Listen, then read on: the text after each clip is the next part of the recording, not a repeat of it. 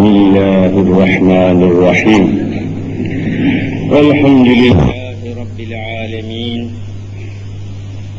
والصلاة والسلام على رسولنا محمد وعلى آله وصحبه أجمعين. رب اشرح لي صدري ويسر لي أمري واحلل عقدة من لساني يفقه قولي. آمين. بحرمة سيد المرسلين. Aziz müminler, muhterem Müslümanlar, bir mübarek kelime, Hazreti Muhammed Mustafa aleyhi ve sellem Efendimizin mübarek bir hadisini vaktimiz ve sıhhatimiz kadar açıklamak suretiyle zamanımızı değerlendirmeye çalışacağız. Üzerinize afiyet şiddetli bir grip altındayım. Artık sesimizin çıktığı kadar, nefesimizin çıktığı kadar idare edeceğiz. Her şeyden evvel kelimeler ve bu kelimelerin ifade ettiği manalar üzerinde Allah ve Resulünün kastettiği mana esas alınmazsa çok büyük yanlışlıklara düşülüyor. Bizim için yani Müslümanlar için elbette ki kelimelerden, mefhumlardan, beyanlardan, konuşmalardan, cümlelerden asıl olan Allah ve Resulünün kastettiği manalardır. Müslüman için esas olan budur. Onun için temelde açıklamalar, tefsirler, yorumlar, görüşler, izahlar Rabbimizin kitabına, Resul-i Zişan Efendimizin de sünnetine uygun olduğu müddetçe bu açıklamaların, bu manaların, kelimelerin değeri vardır ve itimat edilecektir. Uygun değilse, uygun olmamışsa elbette ki itimat edilmeyecek ve kabul edilmeyecektir. Ancak bunun da yine en zor tarafı kelimelerin, manaların, mefhumların Kur'an'da ve sünnette nasıl cereyan ettiğini bilmek lazım. Şer'i manalarını, örfi manalarını, Kur'an'da kastedilen manalarını, sünnette kastedilen manalarını bilmek lazım ki uygun olup olmadığı anlaşılsın ve ona göre neticeye gidilsin. Cemaat-i Müslümin'in böyle bir eğitimden geçmesi, temel meselelerde, kelimelerde, mefhumlarda böyle bir talimata gitmesi icap eder. Bu da yine Müslümanların çok zor halledebilecekleri, çok sıkıntı çekecekleri bir ciheti teşkil ediyor. Şimdi bugün üzerinde durayım dediğim kelime ibadet kelimesi. Kelimeyi gördüğünüz gibi çok kullanıyoruz, çok kitaplarda çok geçiyor, tefsirlerde çok geçiyor, konuşmalarda çok sık geçiyor ibadet, ibadet, ibadet. Fakat bunun Kur'an'da ve sünnette kesin bir şekilde nasıl anlaşıldığı, nasıl anlaşılması lazım geldiği hususunda köklü bir eğitime tabi olunamadığı için zaman zaman bu kelimenin arkasında bir takım sapıklıklar, bir takım yanlışlıklar, bir takım akıl almaz hatalar işlenmektedir. O halde bu mübarek kelimenin nasıl anlaşılması gerektiği hususunda Efendimiz Aleyhisselatü Vesselam'ın çok ehemmiyetli bir hadisini bugün mümkün mertebe anlaşılır şekilde zihinlerde kalacak şekilde anlatmaya çalışayım. Rabbi Rahim-i Zülcelal'den de anlaşıldığı gibi icabını yerine getirmeyi Rabbimizden niyaz edelim inşallah. E, hadis-i şerif şöyle başlıyor. An Adi ibn Hatim radıyallahu teala an kale eteytün nebiyye sallallahu aleyhi ve sellem ve fi unuki salibin min zehebin fekale ya adiyyü utrah anke hazel vesen فسمعته يقرأ في, في سورة براءة استعيذ بالله. اتخذوا أحبارهم ورهبانهم أربابا من دون الله. أما إنهم لم يكونوا يعبدونهم ولكنهم كانوا إذا أحلوا لهم شيئا استحلوه وإذا حرموا عليهم شيئا حرموه. صدق رسول الله ve nefeke Habibullah. Adi İbni Hatem adında evvelce Hristiyanken Müslüman olan, hidayet hidayete erişen bir sahabi anlatıyor. Malumunuz olduğu üzere Hristiyan insanlar o zamanda Resulullah zamanında da mevcuttu. Fakat fazla değildi. Fazla değildi. Daha çok puta tapanlar, müşrikler fazlaydı. Ama Hristiyanlar da muhtelif bölgelerde hayli yoğunluktaydı, çoğunluktaydı. İşte bunlardan birisi de Adi ibn Hatem, Hristiyan Araplardan birisi. Fakat Rabbimiz hidayet nasip etmiş, Müslüman olmuş tabi. O anlatıyor şimdi.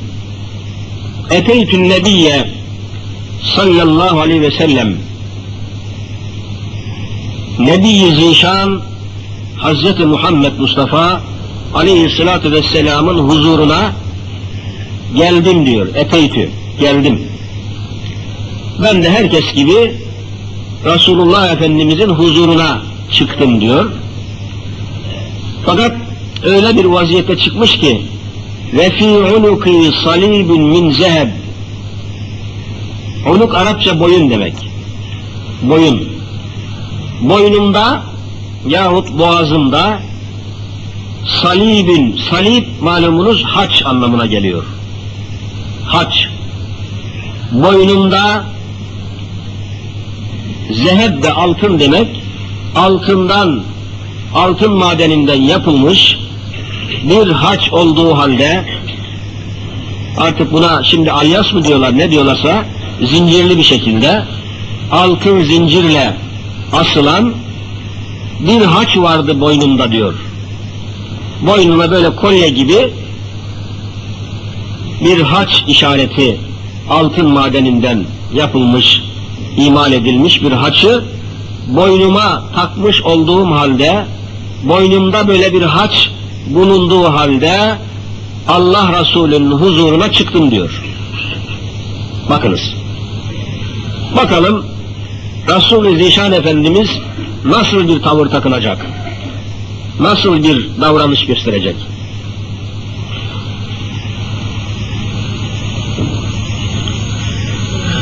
Evet, huzuruna çıkar çıkmaz demek ki Allah'ın Resulü aleyhissalatü vesselam nazar etmiş.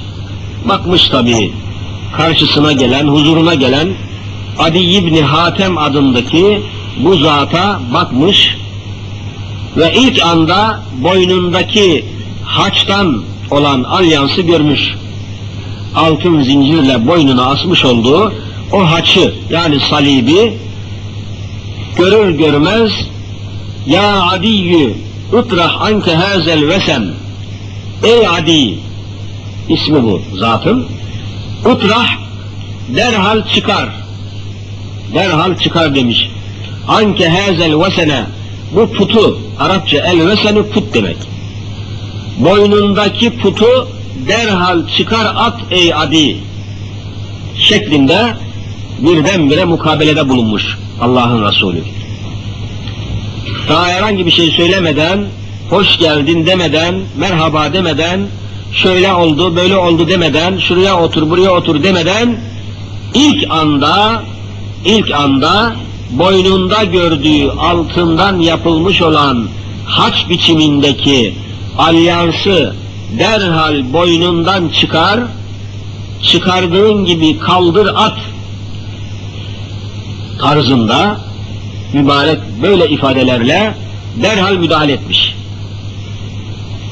Derhal müdahale etmiş ve arkasından da Hazreti Adi diyor ki ve semi'tuhu yakra'u fi sureti berae böyle söyledikten sonra diyor beni ikaz ettikten sonra boynundaki bu haçı yahut putu çıkar at dedikten hemen sonra bir de kulağımı verdim ki Tevbe suresinden şu ayetleri okuyor diyor Peygamberimiz. Hemen ayet okumaya başlamış. Okuduğu ayet-i kerimeler de Yahudilerle Hristiyanların davranışlarını ifade ediyor. Ve şöyle buyuruyor Rabbimiz اِتَّخَذُوا اَحْبَارَهُمْ ve ruhbanehum erbaben min dunillah. Yahudiler hahamlarını, Hristiyanlar da rahiplerini yani papazlarını Allah'tan başka Rab edindiler. Min dunillahi Allah'ı bırakıp Hristiyanlar Allah'ı bırakıp papazları Rab haline getirdiler. Yahudiler de Allah'ı bırakıp hahamlarını Rab edindiler. Şeklinde Kur'an'da geçen, Tevbe suresinde geçen bu mübarek ayetleri okudular. Manası da belli zaten. Hristiyanlar papazlarını, Yahudiler de hahamlarını haşa Allah yerine koydular. Rab edindiler. Böyle söyleyince Hazreti Ali diyor ki Ema innehum lem yekunu ya'budunehum Evet ey Allah'ın Resulü Hristiyanlar papazlarını Allah'tan gayrı Rab edindiler ama onlar papazlara ibadet etmiyorlar. Lem yekunu ya'budunehum. Onlara ibadet ediyor değiller. Onlara ibadet ediyor denmez. Her ne kadar papazlarına, Yahudiler ve hahamlarına bağlıysalar da, onları Rab edinmişlerse de, onları Allah yerine koymuş olsalar dahi, onlara ibadet ediyor değiller Onlara tapınıyor değiller dedim diyor. Bunun üzerine Peygamberimiz şu açıklamayı getirdiler. وَلَاكِنَّهُمْ Lakin onlar, yani Yahudilerle Hristiyanlar, Yahudiler hahamlarını, Hristiyanlar da rahiplerini, papazlarını nasıl telakki ettiler, nasıl kabullendiler? كَانُوا اِذَا اَحَلُّوا لَهُمْ şeyen O papazlar bazı şeyleri onlara helal kıldılar, serbest kıldılar. O Hristiyanlar da istehalluhu o papazların helal kıldığı şeyleri helal kabul ettiler. Ve izâ harramu aleyhim şeyen bazı şeyleri de yasakladılar, haram ettiler. Onlar da harramuhu o papazların yasakladığı, papazların haram ettiği şeyleri haram kabul ettiler. Böyle bir tasarrufta bulunuyorlar. Hristiyan toplumlar Yahudi toplumlar da bu papazların ve hahamların tasarruflarını aynen kabulleniyorlar. Kabul ediyorlar, doğru kabul ediyorlar, isabetli kabul ediyorlar, normal kabul ediyorlar. İşte Hristiyanların bu tasarrufu uygun kabul etmeleri, normal görmeleri, onların papazlara ibadet etmeleri anlamına gelir diyor Peygamberimiz. İbadet kavramına ibadet kelimesine daha geniş bir açı getiriyor. İbadet kelimesinin anlaşılması için biraz daha farklı bir izah getiriyor. İzah, açıklama getiriyor Resulullah. Demek ki buradan şu mana çıkıyor. Yeryüzünde mahlukat üzerinde yaratılmış bulunan bir cümle varlıklar üzerinde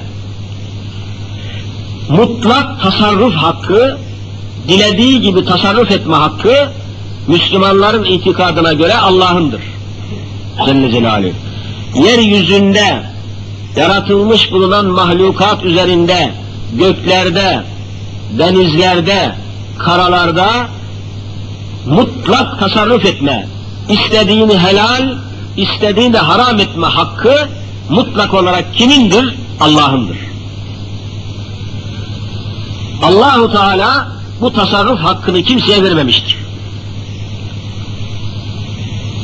Yeryüzünde, gökyüzünde neyse eşya üzerinde, madde üzerinde, mahlukat üzerinde dilediği şeyi yasaklamak, dilediği şeyi serbest kılmak, dilediği şeye sınır çizmek ve bütün bunlarla alakalı tasarruf hakkı sadece Hazreti Allah Celle Celaluhu kendi zatına hasletmiş, kendisinden başka böyle bir hakkı kimseye vermemiş. Kimseye vermemiş. Ama Hristiyanlar, Hristiyanlar yahut papalar, papazlar tıpkı Allahu Teala'nın zatına mahsus olan bu gibi tasarrufların bir kısmını kendileri de kullanmaya kalkışmışlar. Bazı şeyleri haram etmişler, bazı şeyleri helal kılmışlar. Cennet üzerinde, cehennem üzerinde tasarruf hakkını kullanmaya kalkmışlar. İşte onların bu tavrına, bu tutumuna Rabbimiz Hristiyanlar rahiplerini, Yahudiler de hahamlarını Allah'ın yerine koymaya, haşa Allah'ın tasarruf hakkını onlarda da görmeye başladılar anlamında Kur'an'da bir ayet gösteriyor. Ve Allah'ın Resulü de bunu bu mana içerisinde açıklamak suretiyle ibadet kelimesine daha geniş bir ufuk getiriyor. Bunu anlamadan yaşadığımız hayatı anlamak mümkün değil. Mesela Allahu Teala'nın haram kıldığı bir şey, haram. Diyelim ki içki haram edilmiştir. İçkinin haram olduğu Kur'an'la, sünnetle tamamen sabittir.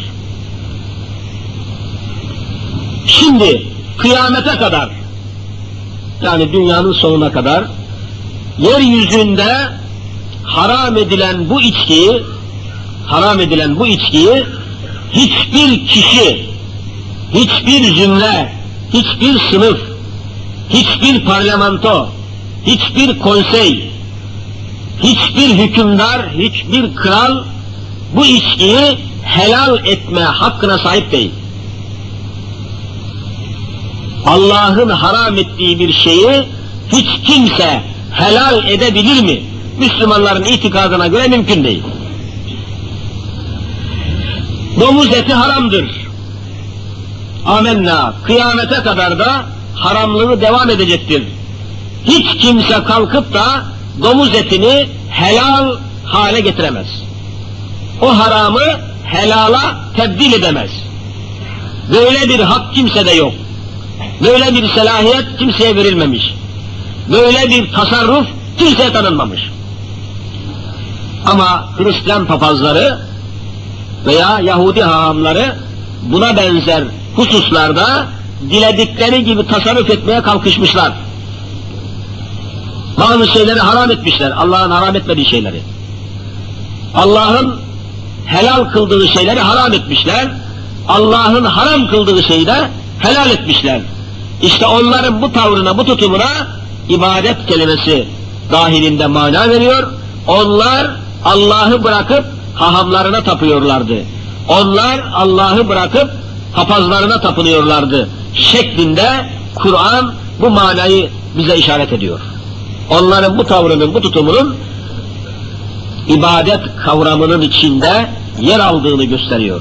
Şimdi açıyı daha fazla genişletmek suretiyle yeryüzünde buna benzer tasarrufları, Allah'ın haram ettiği şeyleri helal etmeye kalkışan, Allah'ın helal ettiği şeyleri de haram etmeye kalkışan kimseler yahut kuruluşlar yahut güçler, kuvvetler her kimse böyle bir harekete girişmeleri halinde ve insanlar da bunların bu tasarruflarını kabul etmeye başladıkları takdirde Allah'ı bırakıp o gibi kişilere tapındıklarını ortaya koymuş olurlar.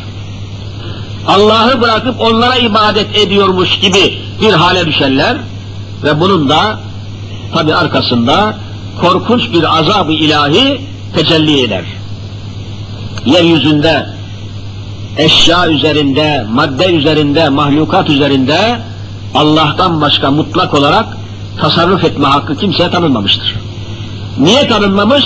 Çünkü Hazreti Allah Celle Celaluhu kevn-ü mekanın, bütün maddelerin, bütün elementlerin, bütün atomların, bütün moleküllerin, bütün meleklerin, bütün mahlukatın yaratıcısı olmak haysiyetiledir.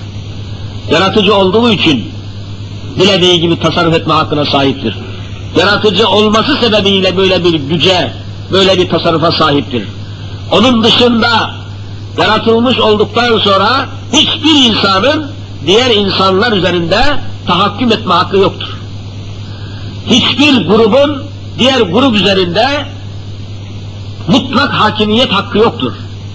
Çünkü o da yaratılmıştır, o da yaratılmıştır. Yaratılmış olanların, yine yaratılmış olanlar üzerine ne hakkı olabilir? Ne hakimiyet olabilir? Ne mutlak tasarruf olabilir? Mutlak hakimiyet, mutlak tasarruf, yaratıcı olan Allah'a mahsustur. Çünkü yaratma özelliği bunu gerektirmektedir.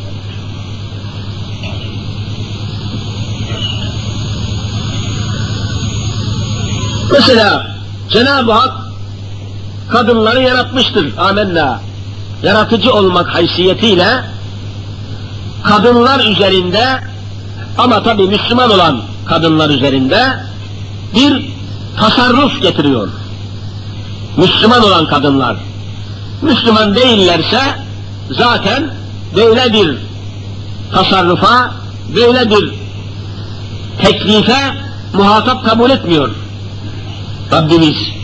Ama erginlik çağına girdikten sonra kelime-i şehadeti getirip yahut kelime-i tevhidi getirip iman ettikten sonra, Müslüman olduktan sonra böyle Müslüman olan bir kadına Rabbimiz bir teklif getiriyor. Ve o kadının üzerinde bir tasarruf hakkı koyuyor. Ne diyor? Örtüneceksin diyor. Bir kadının amcası değilse, yani bunların dışında yabancı erkekler ise, o erkeklerin bulunduğu yerde tepeden tırnağa örtüneceksin diyor Müslüman kadına Cenab-ı Hak. Böyle bir tasarruf hakkı getiriyor. Bu hak Allah'ındır Celle Celaluhu. Niye böyle bir tasarruf istiyor? Ben senin yaratıcınım diyor. Seni yarattım. Yoktan var ettim, seni halk ettim, seni icat ettim. Senin üzerinde sen de bana iman ettin, beni Allah tanıdın, Rabbül Alem. O halde senin bana iman etmiş olman, benim de seni yaratmış olmam sonucunda bir netice hasıl oldu. Sana örtünme emrini teklif ediyorum. Örtünme emrine muhatap kabul ediyorum diyor Rabbimiz. İşte mesele bitmiştir. Artık açılıp saçılmak haramdır. Örtünmek farzdır, açılıp saçılmak haramdır. Hiçbir parlamento, hiçbir konsey, hiçbir heyet, hiçbir kurul Allah'ın haram kıldığı açık saçıklığı serbest hale getiremez. Helaldir diyemez, serbestsiniz diyemez. Allah'ın bu yasağını kaldırdım diyemez. Allah'ın bu yasağı Arabistan'a mahsustur. Orası çok sıcak olduğu için kadınlar yanmasın diye o zaman böyle bir hüküm getirilmiş. Şimdi ise buna lüzum yok. Allah o zamanları bilmiş, bu zamanları bilmemiş.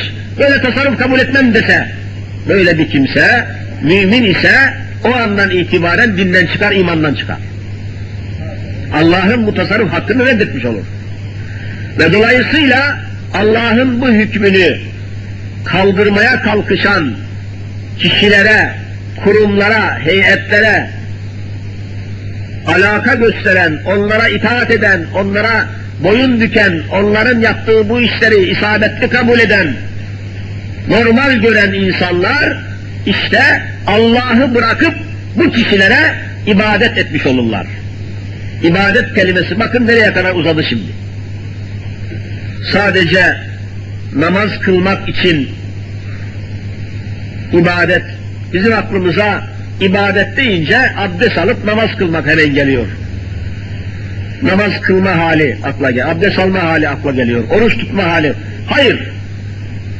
Allahu Teala'nın yasakladığı şeyleri helal kılmaya çalışan, helal kıldığı şeyleri de haram yapmaya çalışan,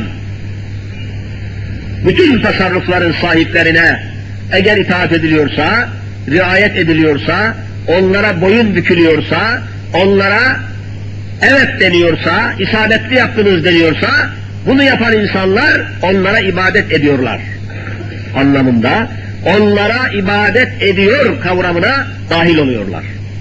Onun için bu noktaya çok dikkat etmek lazım. Haramlara ve helallara çok dikkat etmek lazım.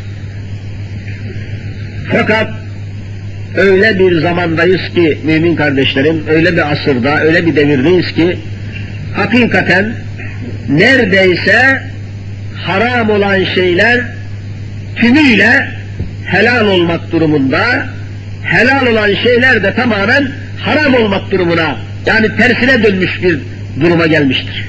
Hatta eğer bu akıntı, bu felaket, bu musibet, bu sorumsuzluk, bu eğitimsizlik, İslam'dan uzaklaşma hareketi birkaç yıl daha devam ederse adeta örtünmek suç olacak.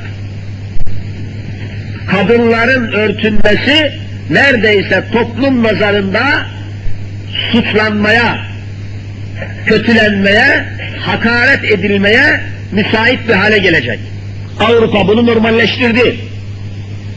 Avrupa'da, bahusus Doğu Avrupa'da, Polonya'da, Romanya'da kendileri ifade ediyorlar. İsteyen kadın istediği erkeği alıyor, kocasının bulunduğu eve gidiyor, kocası hiçbir ses çıkaramıyor, istediği erkekle sabaha kadar o evde cinsel ilişkide bulunabiliyor. Bunu gayet normal kabul ediyorlar. Doğan çocuğun babası belli olmuyor.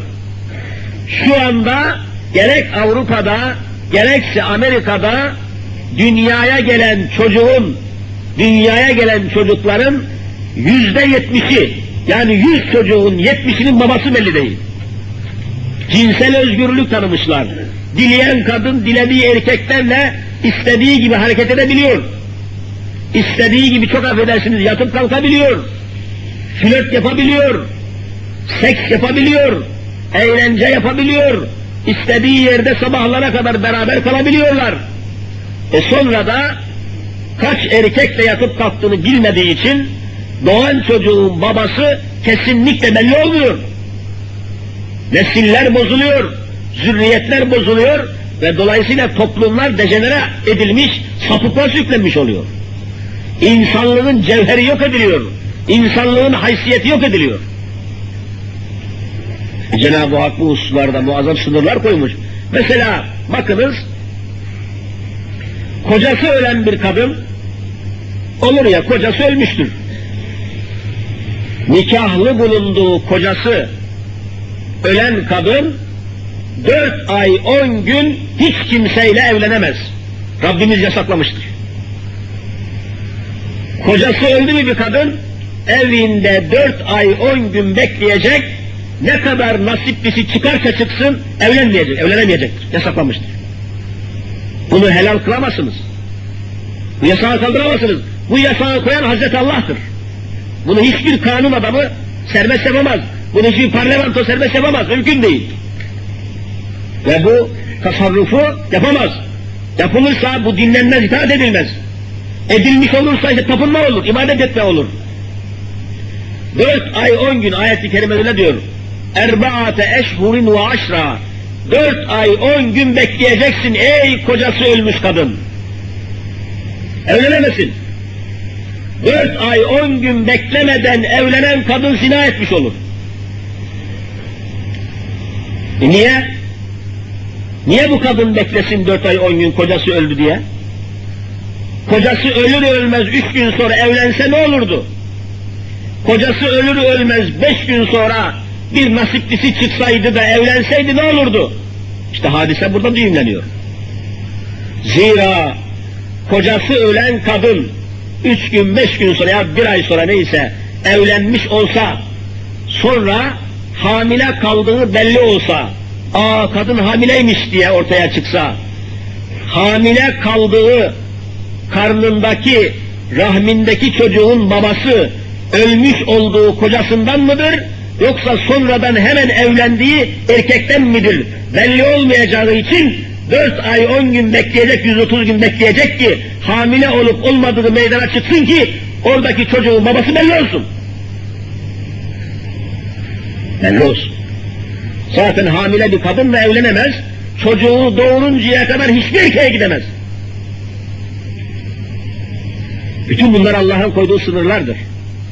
Süt kardeşliği, mesela bir çocuk bir kadından süt emmişse, Cenab-ı Hak burada bir tasarruf getiriyor. Diyor ki, süt emen çocuk, süt emdiği kadının hiçbir erkekse emen, süt emdiği kadının kızlarıyla evlenemez. Süt emen çocuk kız ise, onu emziren kadının erkekleriyle asla evlenemez. Süt kardeş olurlar. Bunu kimse kaldıramaz bu tasarrufu. Bunu kimse helal edemez. Çünkü yaratıcı Allah olduğu için sütün de yaratıcısı, kanın da yaratıcısı, insanların bedenlerini, ruhlarını dengeleyen, yaratan, planlayan Hazreti Allah olduğu için bu hususlarda sınır koyma, hüküm koyma hakkı yalnız Allah'a mahsustur. Ama şimdi biliyorsunuz İsviçre'den alınmış bulunan medeni kanunla medeni kelimesini kullanarak almışlar. İsviçre'den alınan medeni kanunla süt kardeşliği kaldırılmış ve isteyen kişi istediği şekilde sütünü emdiği kadının kızıyla evlenmesi serbest hale gelmiştir. Şu an böyle. Halbuki İslam alimleri kıyamete kadar süt kardeşliğin, süt kardeşlerinin evlenmesini kıyamete kadar haram telak etmişlerdir. Kur'an'dan sabittir. Hiç kimse süt kardeşiyle evlenemez. Evlenirse ne olur? Doğan çocuklar mutlak sakat olur. Şimdi dikkat buyurun, evliliklerde meydana gelen doğumlarda bazı sakatlıklar zuhur ediyor. Şimdi tutmuşlar gerek televizyon aracılığıyla gerekse radyo aracılığıyla bir takım yayınlarla aman akraba ile evlenmeyin doğan çocuklar sakat oluyor diyor. Halbuki dini kaynaklara bakın süt emen çocuklar birbiriyle evlenirse çocuklar mutlaka sakat olur. Bunu söylemiyorlar. Süt kardeşiyle evlenmeyi serbest bırakmışlar. Doğan çocuklar buradan sakat oluyor. Süt çatışması var. Aynı minerali, aynı özelliği beraber almış oluyorlar.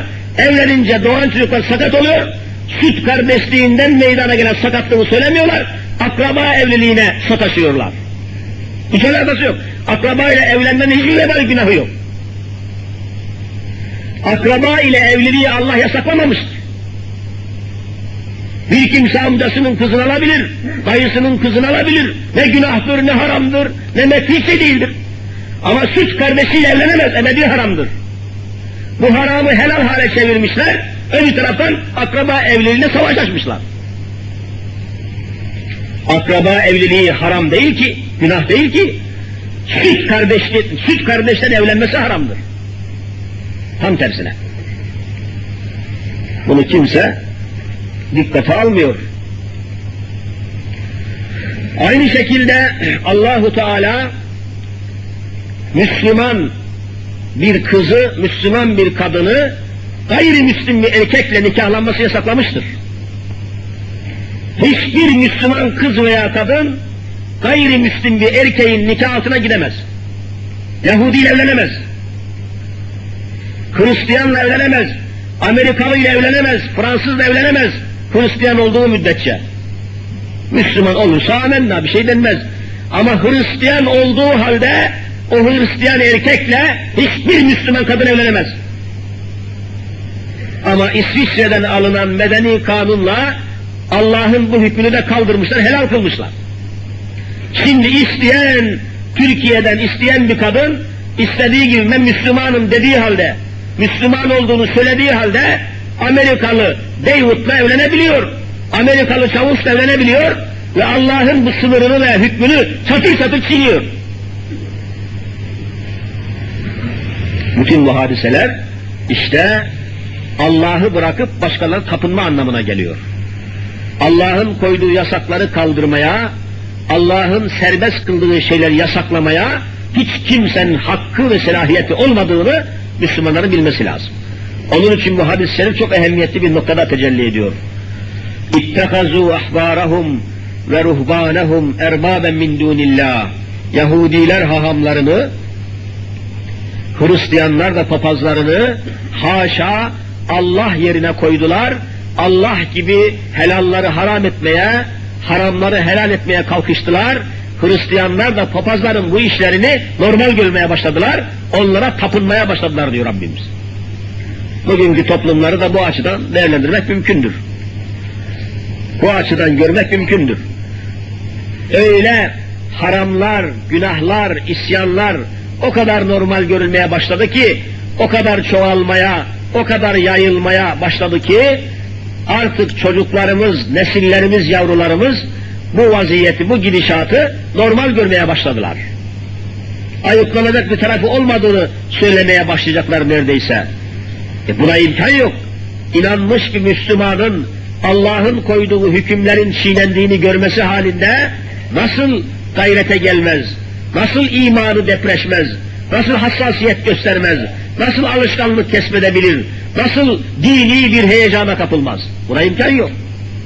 Çünkü bakın Allah Resulü huzuruna çıkan, huzuruna gelen Adi İbni Hatim'in boynunda haçı görür görmez ya Adiyyü ıtrah anke hezel vesen boynundaki şu haçı, boynundaki şu putu kaldır at diyerek derhal müdahale ediyor. Müdahale ediyor. Uygun görmek mümkün değil, normal görmek mümkün değil. Ama biz neredeyse haramları, günahları normal görmeye başlayacağız. Sanki bu işin normal hali buymuş gibi. Bakıyorsunuz zaman zaman söylediğimiz gibi Cenab-ı Hak bol miktarda karpuz ihsan ediyor. Bol ürün veriyor. Karpuz ürünü veriyor, kiraz üzünü veriyor, kayısı ürünü veriyor.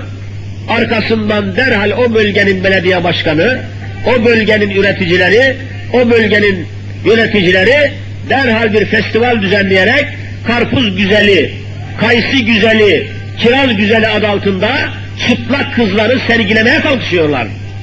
Allah'ın verdiği nimetlere karşı isyanı teklif ediyorlar. Haramı teklif ediyorlar. Adına festival diyorlar. Bilmem ne bayramı diyorlar. Bilmem ne güzeli diyerek verilen bu nimete karşı şükür etmek yerine küfür etmeye kalkıyorlar. E bunu toplum göre göre alışıyor. Biz de yapalım diyor. Biz de edelim. Normalmiş. Bundan iyisi de olmazmış diyerek malını tanıtmak için, bölgesini tanıtmak için, beldesini tanıtmak için çıplak kadınları bir vasıta edinmeye çalışıyor. Ve bunu görmek, normal görmeye başlıyor. İşte aziz müminler, bütün bu davranışların, bu hareketlerin temelinde Allah'ı bırakıp başkalarına tapınma temayülü vardır. Hazreti Allah'ı bırakıp onun kulluğundan çıkıp başkalarının kulluğuna, başkalarının hakimiyetine, başkalarının tasarrufuna boyun bükme olayı başlıyor ki bu da ayrı bir ubudiyet anlamı taşıyor. Allah'ı bırakıp başkalarına tapınma musibetini getiriyor. Bu mübarek hadisi şerif hakikaten çok geniş, çok şumullü, çok etraflı. Üzerinde ne kadar durulsa azdır. Fakat dediğim gibi zamanımız sınırlı, rahatsızlığımız da var. Ve dolayısıyla sadece sathi bir mana içerisinde hadisi şerifin bir izahı yapılmış oldu. Daha geniş açıklamaları, daha geniş tefsirleri var, daha geniş yorumları var. Bunları da inşallah bir başka münasebetle, bir başka bahiste açıklama fırsatını Rabbimizden niyaz ediyoruz. Aziz müminler, muhterem Müslümanlar, bütün davamız, bütün düşüncemiz Müslümanların hassasiyetini kaybetmemesidir. Bütün dünya dalalete gidebilir. Bütün beşeriyet sapıtabilir. Ama kainatın nuru olan Hazreti Muhammed Mustafa sallallahu teala aleyhi ve sellem Efendimiz'e iman eden Müslümanlar sapıtmaması lazım. O nurun aydınlığında yürüyenler, o ışığın peşinde gidenler, kevn mekanı aydınlatmaya muktedir bir kudretin ümmeti olanlar asla sapıtmamaları lazım, yoldan çıkmaması lazım ve bir an için kendisini onun ümmeti olduğunu şuuruyla çekip çevirmesi lazım. İşte günde beş defa okunan ezan-ı Muhammed'in sebebi budur. Kim nereye giderse gitsin, kim nasıl sapıtırsa sapıtsın, sen günde beş defa okunan ezan-ı Muhammedi ile eşhedü enne Muhammeden Resulullah diyor musun demiyor musun? Şehadet ederim ki Hz. Muhammed Mustafa sallallahu teala aleyhi ve sellem Allah'ın Resulüdür diyorsun. Resul demek Allah'ın insanlara gönderdiği elçi demektir. Ona bakacaksın. Zaman ne olursa olsun, zamanın şartları, zamanın fesadı, zamanın fitnesi ne olursa olsun peygambere iman eden insanların sapıtması mümkün değil. Peygambere iman eden insanların yoldan çıkması mümkün değil. Çünkü doğru yolun, hak yolun başında Hz. Muhammed Mustafa var. Ona bakacaksın, ona ona bakarak hizaya geleceksin. Sapıtmak mümkün değil. İşte bütün mesele bu noktadan hareket ederek toplumun içinde erimeden, çürümeden, bozulmadan son nefesimizi kelime-i şehadet ki buyurun. Eşhedü en la ilahe illallah ve eşhedü enne Muhammeden abdühü ve rasulüh diyerek bu şehadetle ruhumuzu Mevlamıza teslim etmek gibi mutlu bir neticeye ulaşma gayretini bırakmamamız lazım. Rabbimiz bizi kendi kulluğundan ayırmasın inşallah. Rıza ve rahmetini ikram eylesin. Hak Teala cümlemizi sevdiği kullar sınıfına ilham